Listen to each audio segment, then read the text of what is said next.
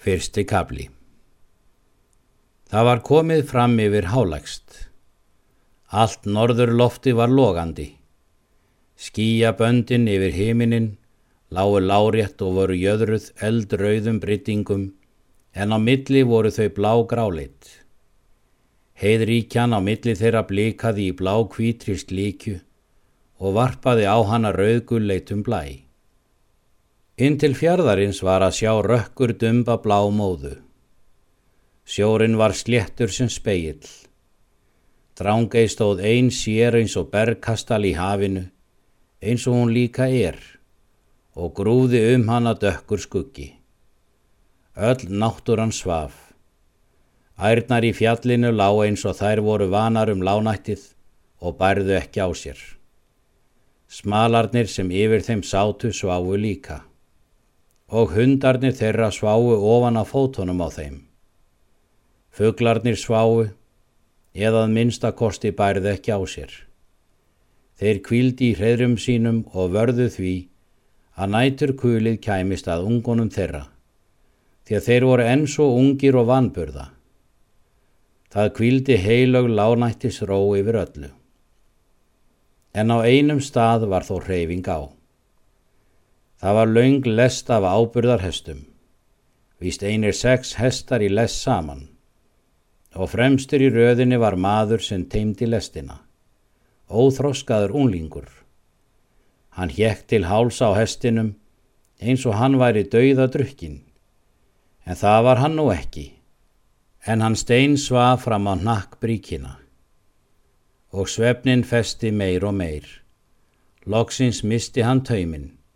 Hesturinn fór undir eins að býta og það gerðu hinnir hestarnir líka sem voru í lestinni. Reyðhesturinn lötraði áfram enn nokkur spór en svo vattan sér til hlýðar út úr götunni og fór líkað býta. En við þetta misti pilturinn jafnvægið og vald af.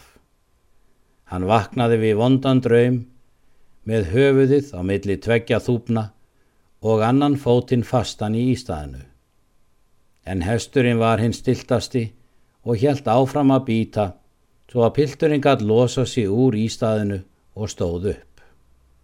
Hann vissi ekkert hvaðan á sig stóð veðrið og nýri augun.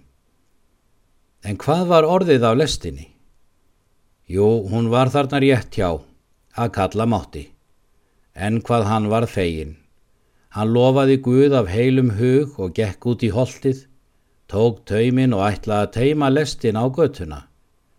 Það hefði verið fallegt, hefði hann tínt lestinni fyrir honum ingjaldi, manninum sem honum þótti vænstum af öllum á bænum. En í sömu svifunum heyrði hann jótin mikinn og eftir sér.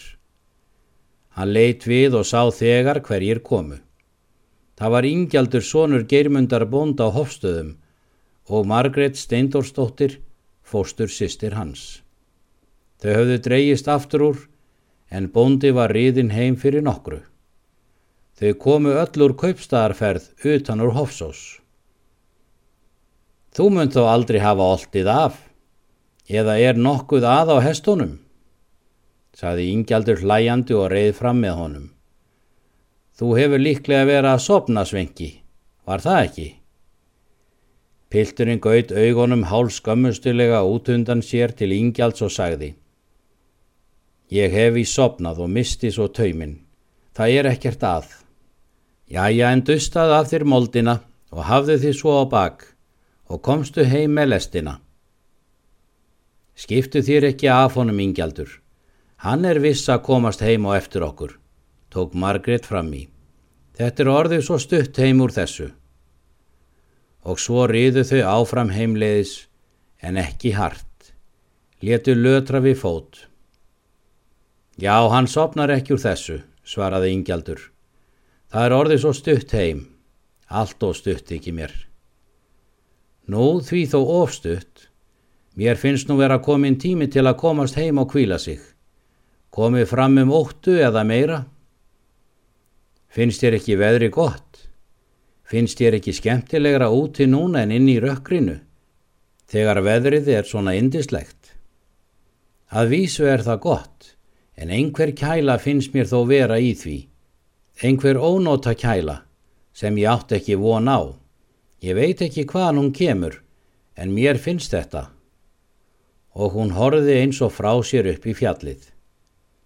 Nei, finnst þér það? Á ég að láð þér neti mitt um hálsin á þér? Nei, þess þarf ekki. Það er svo skamt heim. En þú veist þó hvað mér þykir væntum, ef ég get gert eitthvað þér til góðs. Þú veist. Já, ég veit þér þykir væntum mig, og meir en það, en svo dreymir mig að það verði báðum okkur til ógæfu. Hún leitt með rauna svip til ingjalds og stundi við, en augnatilliti var fullt ástúðar og blíðu. Getur það verið? Getur þú orði nokkrum til ógæfu? eða það þó að okkur sé vel saman. Ég er hrætt um það að ég verði einmitt þér til ógæfu. Það var eins og hrodlur færu um hana. Ég veit að kvílir ógæfa yfir öllu sem ég þykir væntum. Nei, elsku góða, segðu ekki þetta. Heldur þau að það kvíli nokkur ógæfa yfir foreldrunum mínum, þó að þér þykir væntum þau og þeim um þig? Æ, ég veit það ekki. En mér finnst þetta einhvern veginn. Mér dreymir svo oft ítla. Svo oft. Og hvað dreymir þig svo ítla? Hvernig fer svo góða sál eins og þú ert að dreyma ítla? Ítlir andar kvíslað mér vondun draumum þegar ég sef, þó að ég sé laus við þá í vökunni. Þá snerta þeir mig ekki. Ég skal láta bannfæra allt ílt sem sækir að þér Ég er vissum að presturinn gerir það ef ég byrð þann þess. Nei, ekki bannfæra. Það er komið nóg af slíku. Það er ekki til neins að bannfæra vonda anda. Þeir sækja að banninu en flýja það ekki. Ég skal byggja Marju megjum að reka þá frá þér. Ég er búin að marg, marg byggja hana, en hún svara mér engu, engu. Það er eins og hún vilja ekki heyra til mín. Og það setti ákafan grát ekkað stúlkunni. Þú mátt ekki gráta. Marja bregst engum sem byður hana innilega, sagði Ingjaldur blíðlega og færði hessin svo nærri Margretu að hann gatt strókið hólega um vanga hennar. Við skulum bæði byðja hana. Ég skal gefa henni þá gjöf sem ég kann besta til þess að hún bæji frá okkur öllu ídlu. Stúlkunni létti nokkuð aftur. Hún leitt hárfullum augunum fyrst til himins og svo til ingjalds. Guð gæfi það að Marja vildi hjálpa mér, mér og þér og okkur öllum, en ég er svo hrætt. Það er einhver sorti úr söðrinu sem vofir yfir okkur. Mér hefur dreymt fyrir því. Er það þessi nýja trú þeirra fyrir sunnan sem þú ert svona hrætt við? Hvað sögðu þeir sem komu heim af alþingjum daginn? Hvað annað en að biskupin okkar væri komin vel á veg með að bæla þann ófögnuð niður? Hefði vald og umsjón yfir öllu skálhóttstifti og ætti ekki annað eftir en að yfirstíga tvo af mótstöðumönnum sínum fyrir vestan? Manstu það ekki? Ég held svo blíkast ég að líða frá. Æ, ég veit ekki. Það er eins og ég get ekki alminnilega trúa því. Það er einhver kvíði, einhver óhugur yfir mér, sem ég get ekki ráði við. Hvað hefur þið frétt af Helga bróður þínum? sagði hún enn fremur. Hún sagði orðin hratt og eins og ég einhverju fátiðar hellingu og hvesti augun fast á yngjald. Ég? Ekki neitt.